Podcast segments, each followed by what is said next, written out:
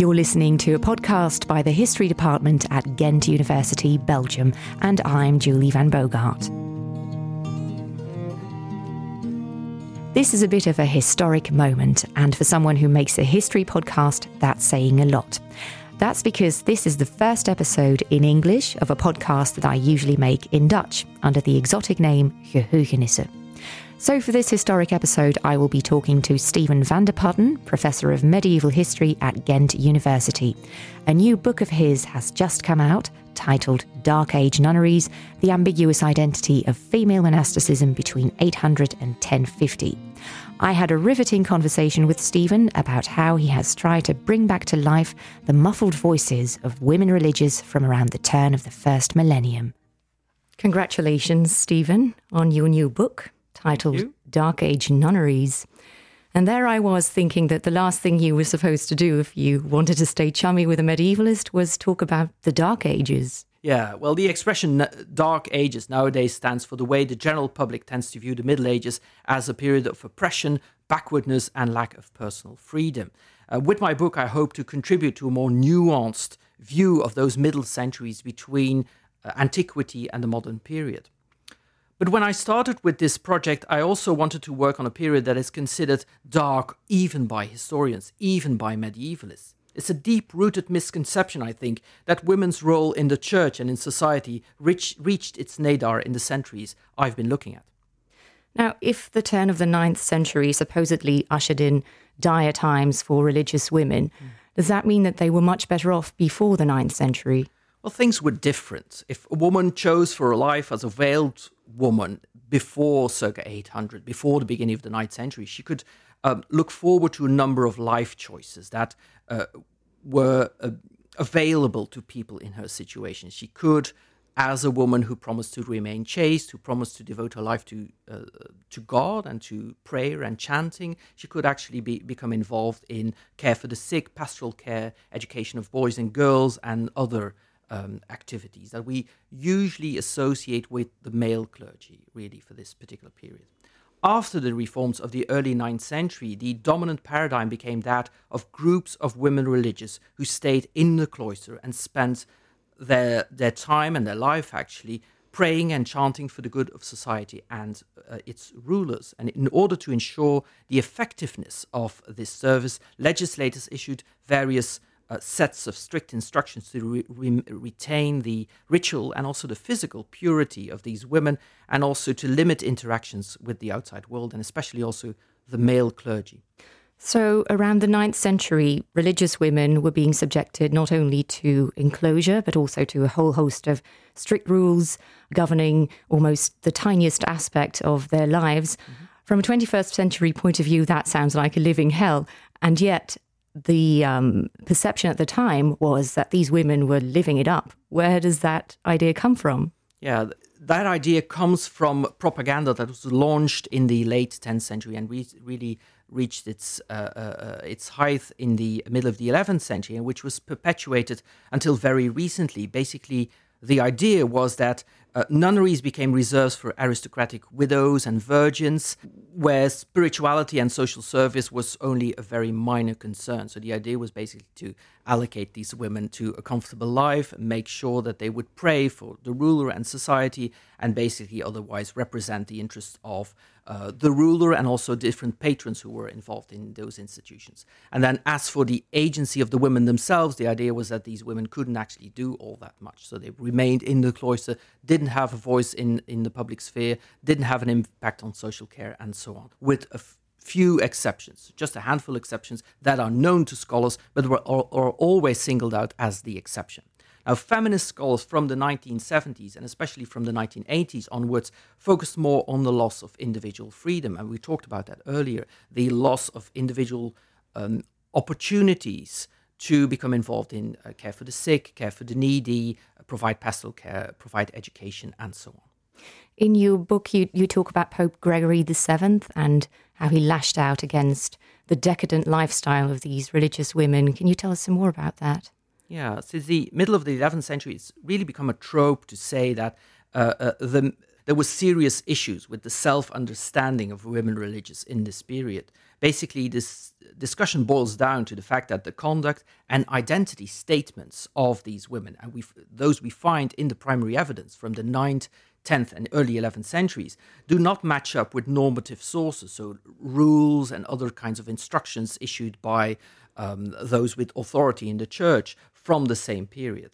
Now, in the eyes of male observers from the middle of the 11th century onwards, this ambiguity, as I call it in my book, is a sign of decline, lack of commitment. Women who wouldn't actually commit to a specific rule weren't women who were taking their position in life or their status in life seriously. Well, to give you one example, you refer to Gregory VII, the great Pope Gregory VII of the Gregorian reforms, which some people will be familiar with. Before he became Gregory VII, he was already a, a mighty player at the papal court in Rome. He was called Hildebrand, that's his name before he became Pope Gregory VII. And in 1059, he gave a speech, um, a series of speeches actually, about the state of the church in that particular period. And he talked, among other things, about women religious. And his speech about the women religious has been preserved. And there he talks about women religious as uh, fat, bloated women who spent their lives in comfort, who didn't actually show any commitment to their religious vocation, and who um, because of the fact that they were given so much to, to drink and so much to eat, and that they had a, a very comfortable lifestyle, um, he compared them to prostitutes and matrons. He said, This is not the life for a woman who's really committed to religious life. This is something which is a sort of perversion of the original ascetic ideal of monastic life for women. So we have to get rid of them and we have to replace them by proper Benedictine nuns. And so this is one only one example of many, many where we, you have this call for an intervention from the outside in these uh, uh, female communities. And some clerics, I believe, went to even greater lengths to defame religious women. Please indulge us with the most riveting story about the enchanted slippers. Yeah. Hildebrand is, of course, a, a, a, major figure in the church who, on a very high level, is arguing against all women religious generally, and who's saying, well, this whole cohort in the church is going is going off course at the moment.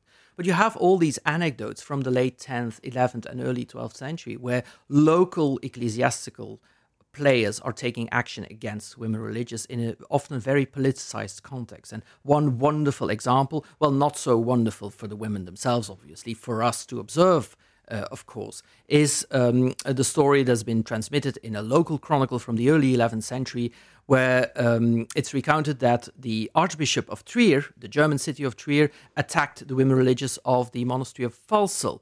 And the story begins in a very benign way. The Archbishop asks one of the women religious to make him uh, liturgical slippers, which is something the Archbishop would use while saying Mass. So these wonderful slippers, which look a little bit like Uggs. So these very comfy slippers with embroidery probably on the outside.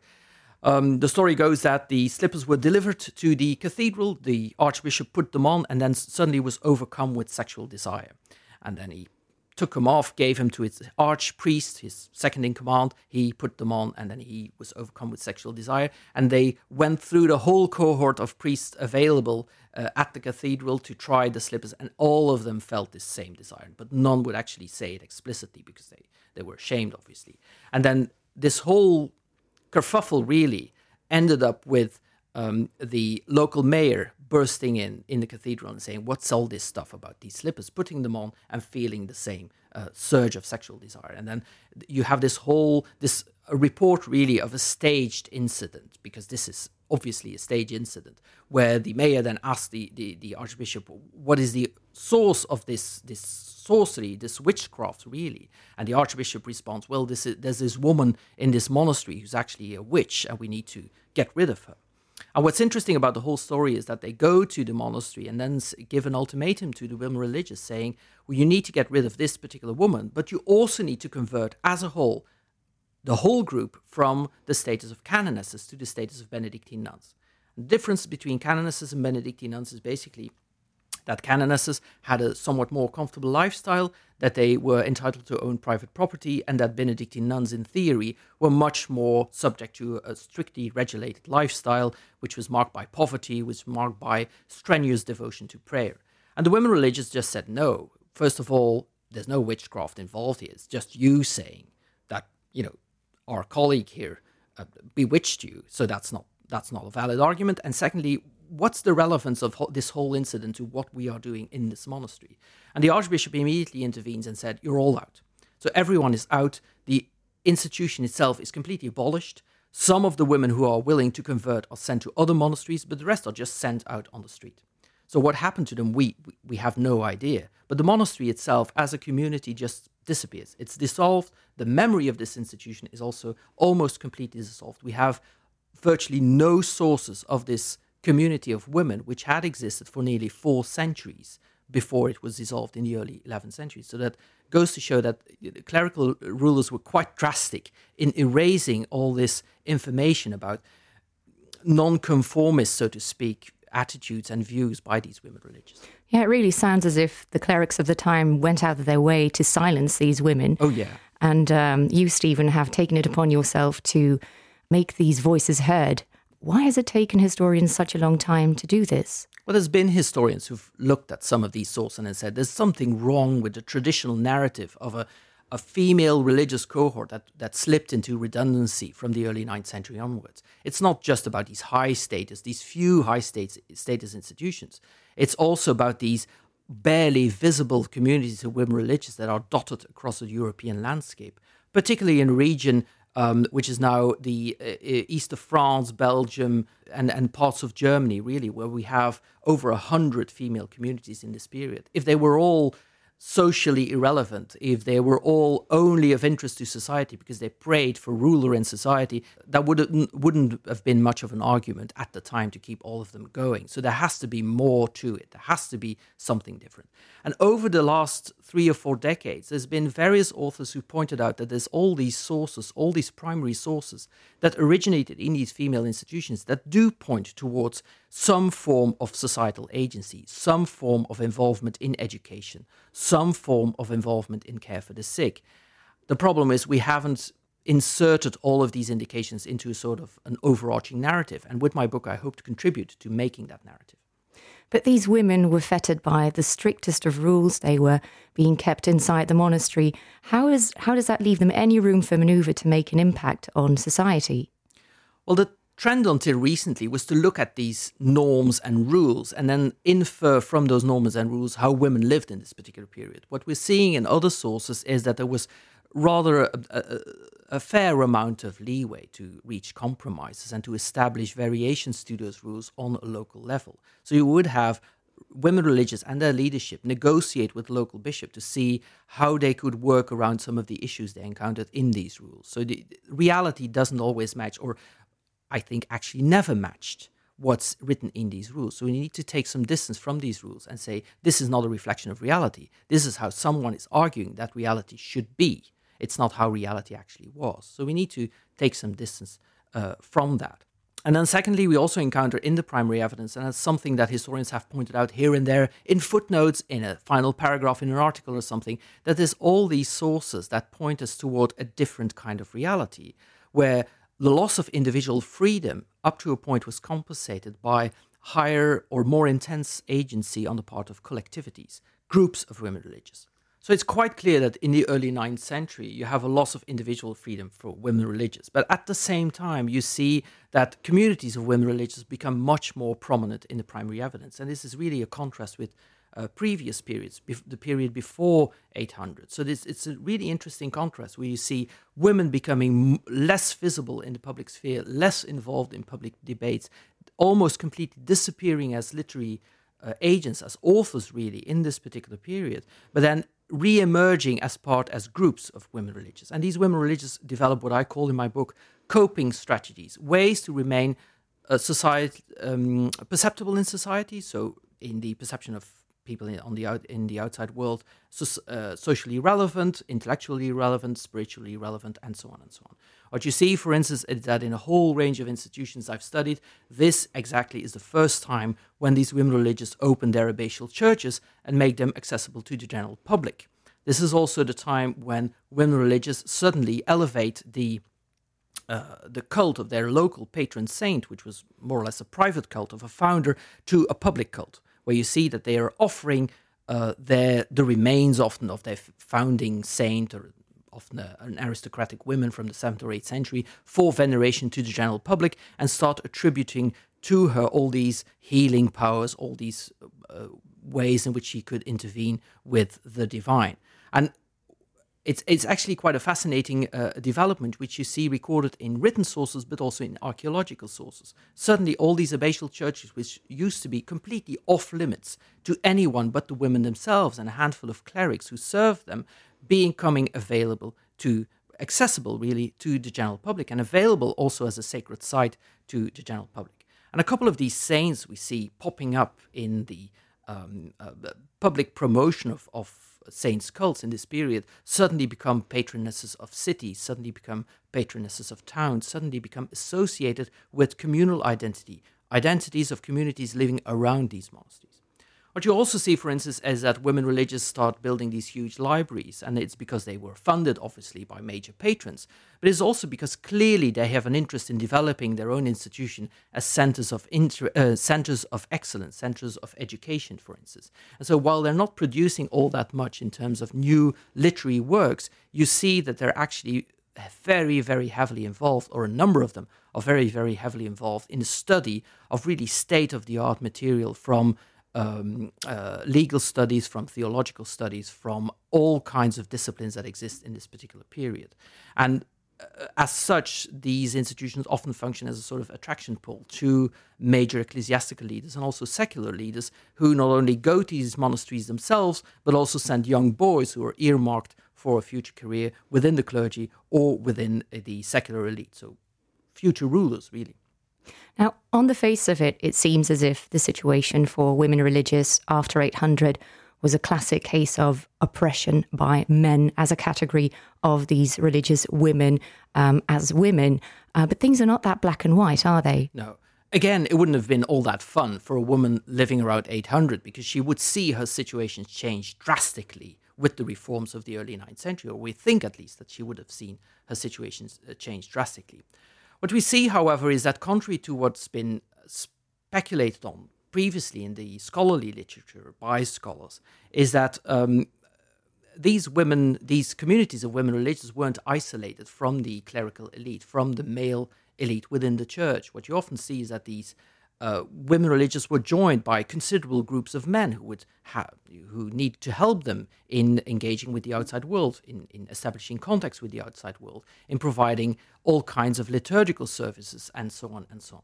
And so, until recently, the idea was that these men actually represented the man, so to speak, within the monastery, the man in a metaphorical sense. So, the oppressing uh, ecclesiastical hierarchy. But what we see, if you look at the sources produced by these men, is that they often uh, highly identified, really, really deeply identified with the interests and the identity of these women, and considered themselves often a part of these communities. So have you have these weird uh, mixed gendered communities of men who are the spokespersons or the spokespeople of these women religious, but don't just reflect the voice of the male oppressor, but actually reflect the voice of these communities. At least that's what I'm seeing in a number of sources.